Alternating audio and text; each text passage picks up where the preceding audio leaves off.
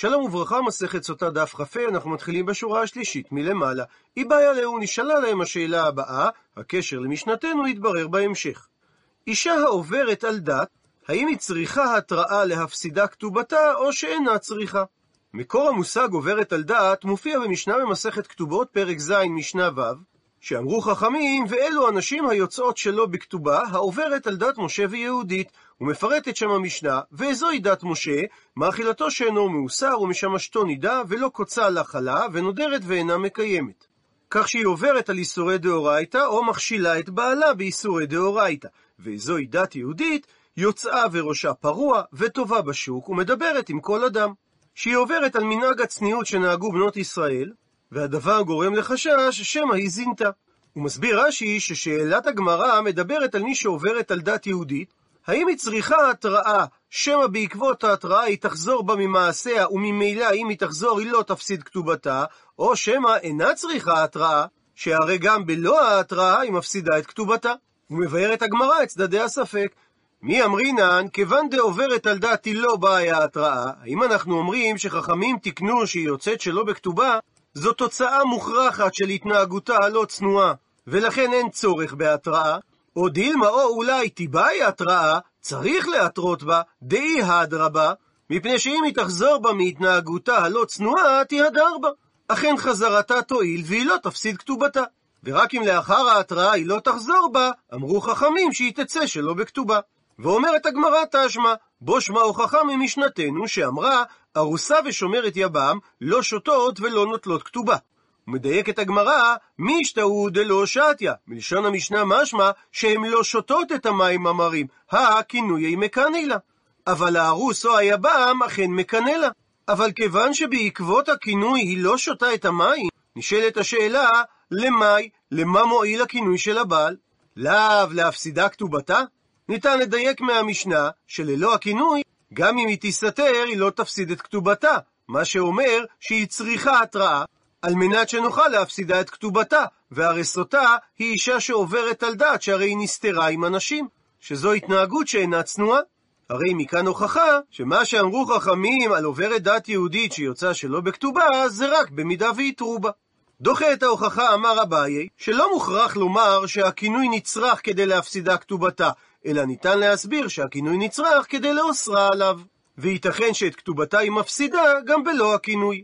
רב פאפא מוסיף על דברי אביי, והוא אמר שהכינוי בזמן שהיא ארוסה נצרך כדי להשקותה כשהיא נשואה. כדתניא, כפי ששנינו בברייתא במסכת יבמות, אין מקנים לארוסה להשקותה כשהיא ארוסה, שהרי נאמר בפסוק תחת אישה, ובזמן האירוסין היא עדיין לא תחת אישה. אבל כן מקנים לארוסה להשקותה כשהיא נשואה, שעל ידי כינוי בזמן האירוסין ניתן להשקות אותה במידה והיא תסתתר לאחר הנישואין. וממילא חוזרת השאלה, האם עוברת על דת יהודית צריכה התראה להפסידה כתובתה או לא? עונה על כך אמר רבא תשמע, בו שמע הוכחה ממשנתנו שאמרה, אלמנה לכהן גדול, גרושה וחלוצה לכהן אדיוט, ממזרת ונתינה לישראל, בת ישראל לממזר ולנתין, כל הנשים הללו לא שותות ולא נוטלות כתובה.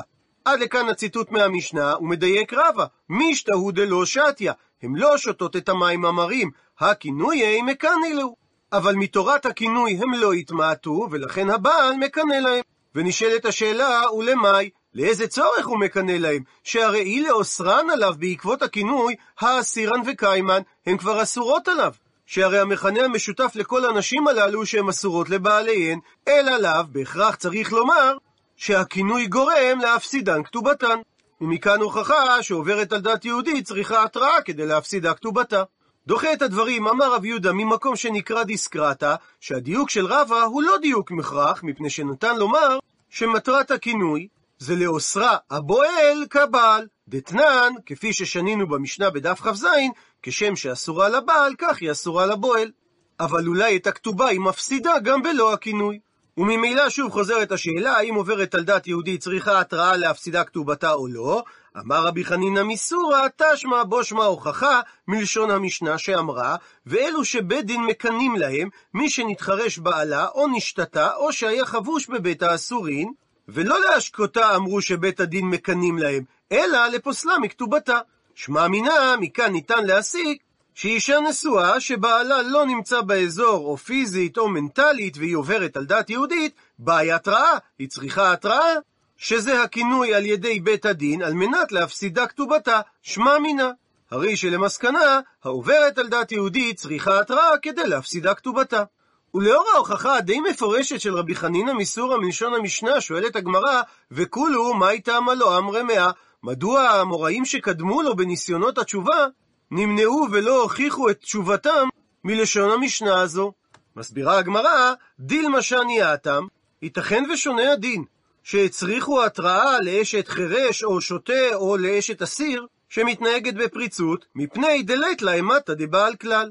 שאין לה שום פחם מבעלה, ואם בית הדין לא היו מתרים בה, לא היה לנו לקנוס אותה, שתפסיד כתובתה, שהרי אין לה אימת הבעל כלל, כך שגם אם היא עוברת על דת יהודית, זה לא נחשב פריצות יתרה, שעליה גזרו חכמים שתצא בלא כתובה.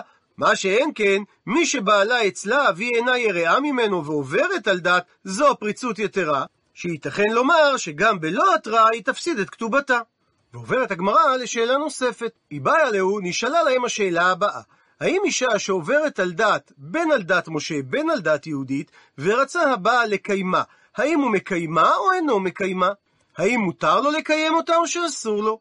ומבארת הגמרא את צדדי הספק, מי אמרינן בקפידא דבעל תלה רחמנה והלא קפיד?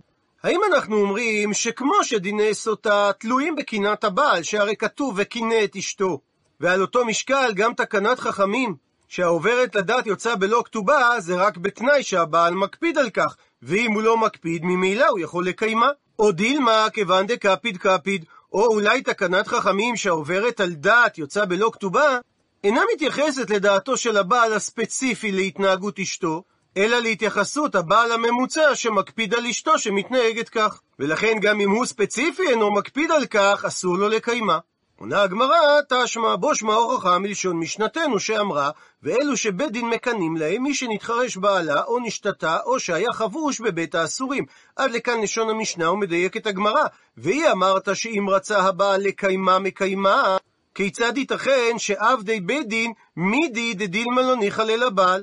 האח יכולים בית הדין לעשות דבר בשם הבעל שאולי לא נוח לו, שהרי לא ייתכן שהם יעשו שלוחים לו בדבר שהוא חוב לו ואינו חפץ בו, שהרי ידוע הכלל שאומר אין חבין לאדם שלא בפניו, אלא בהכרח שהבעל לא יכול לקיימה.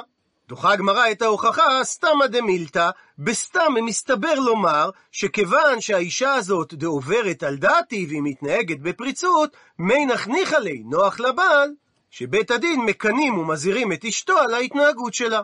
ממשיכה הגמרא, היא בעיה להוא, נשאלה להם השאלה הבאה. גם אם תרצה לומר שאישה שעוברת על דעת שרצה הבעל לקיימה שהוא רשאי לקיימה, אולי זה אפשרי דווקא אם הוא לא קינא לה. אבל היכן שבעקבות ההתנהגות קינא הבעל לאשתו והיא נסתרה, האם במקרה כזה בעל שמחל על כינויו, כינויו מחול או אינו מחול? האם יכול הבעל למחול על הכינוי ולעקור אותו למפרע והיא תהיה מותרת לו או לא?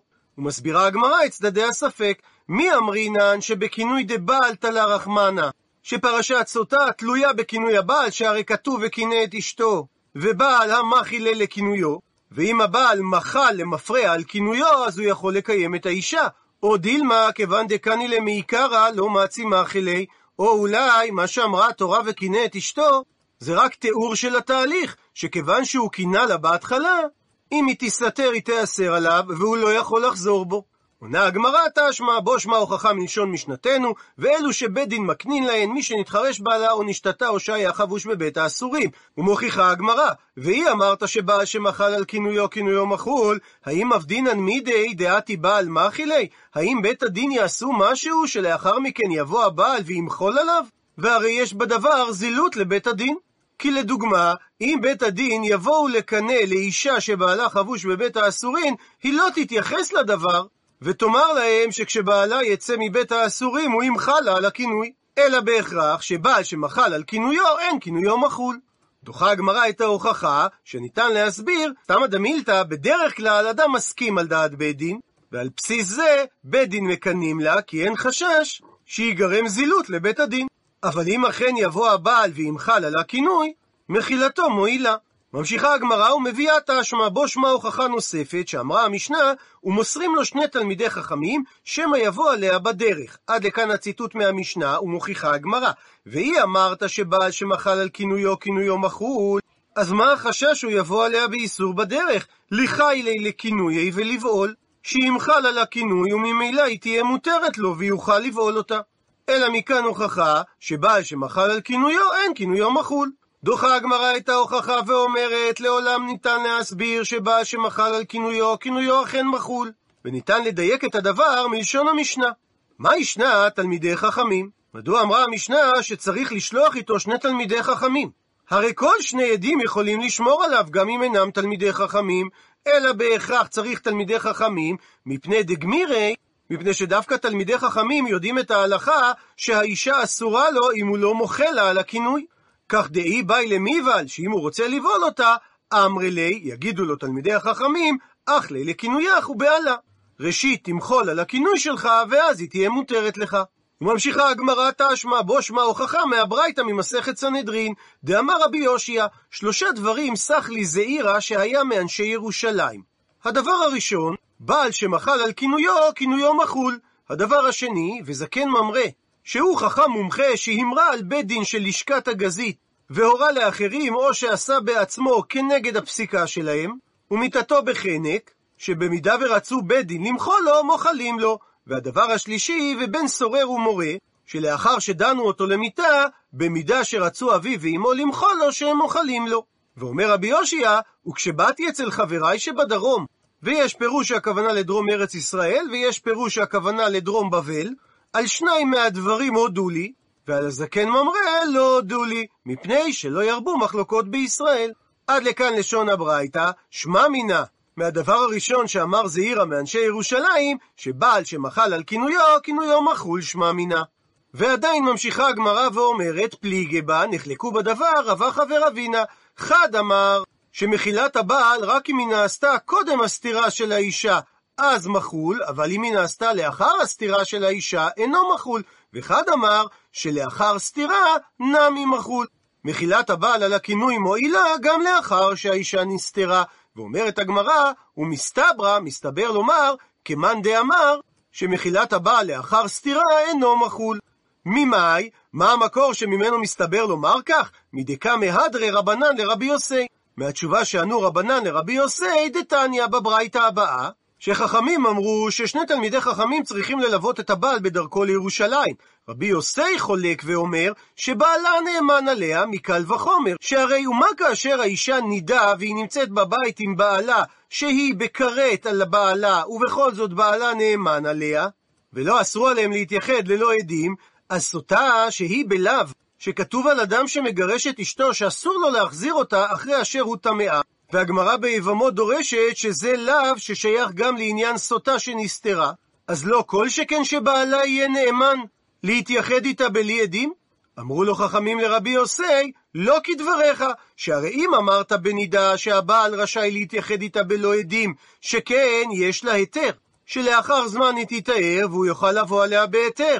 תאמר מה שאין כן בסוטה שאין לה היתר. במידה ויתברר שהיא נטמעה, ולכן אולי למרות איסור עליו, הבעל יבוא עליה, שהרי אין לו פת בסלו.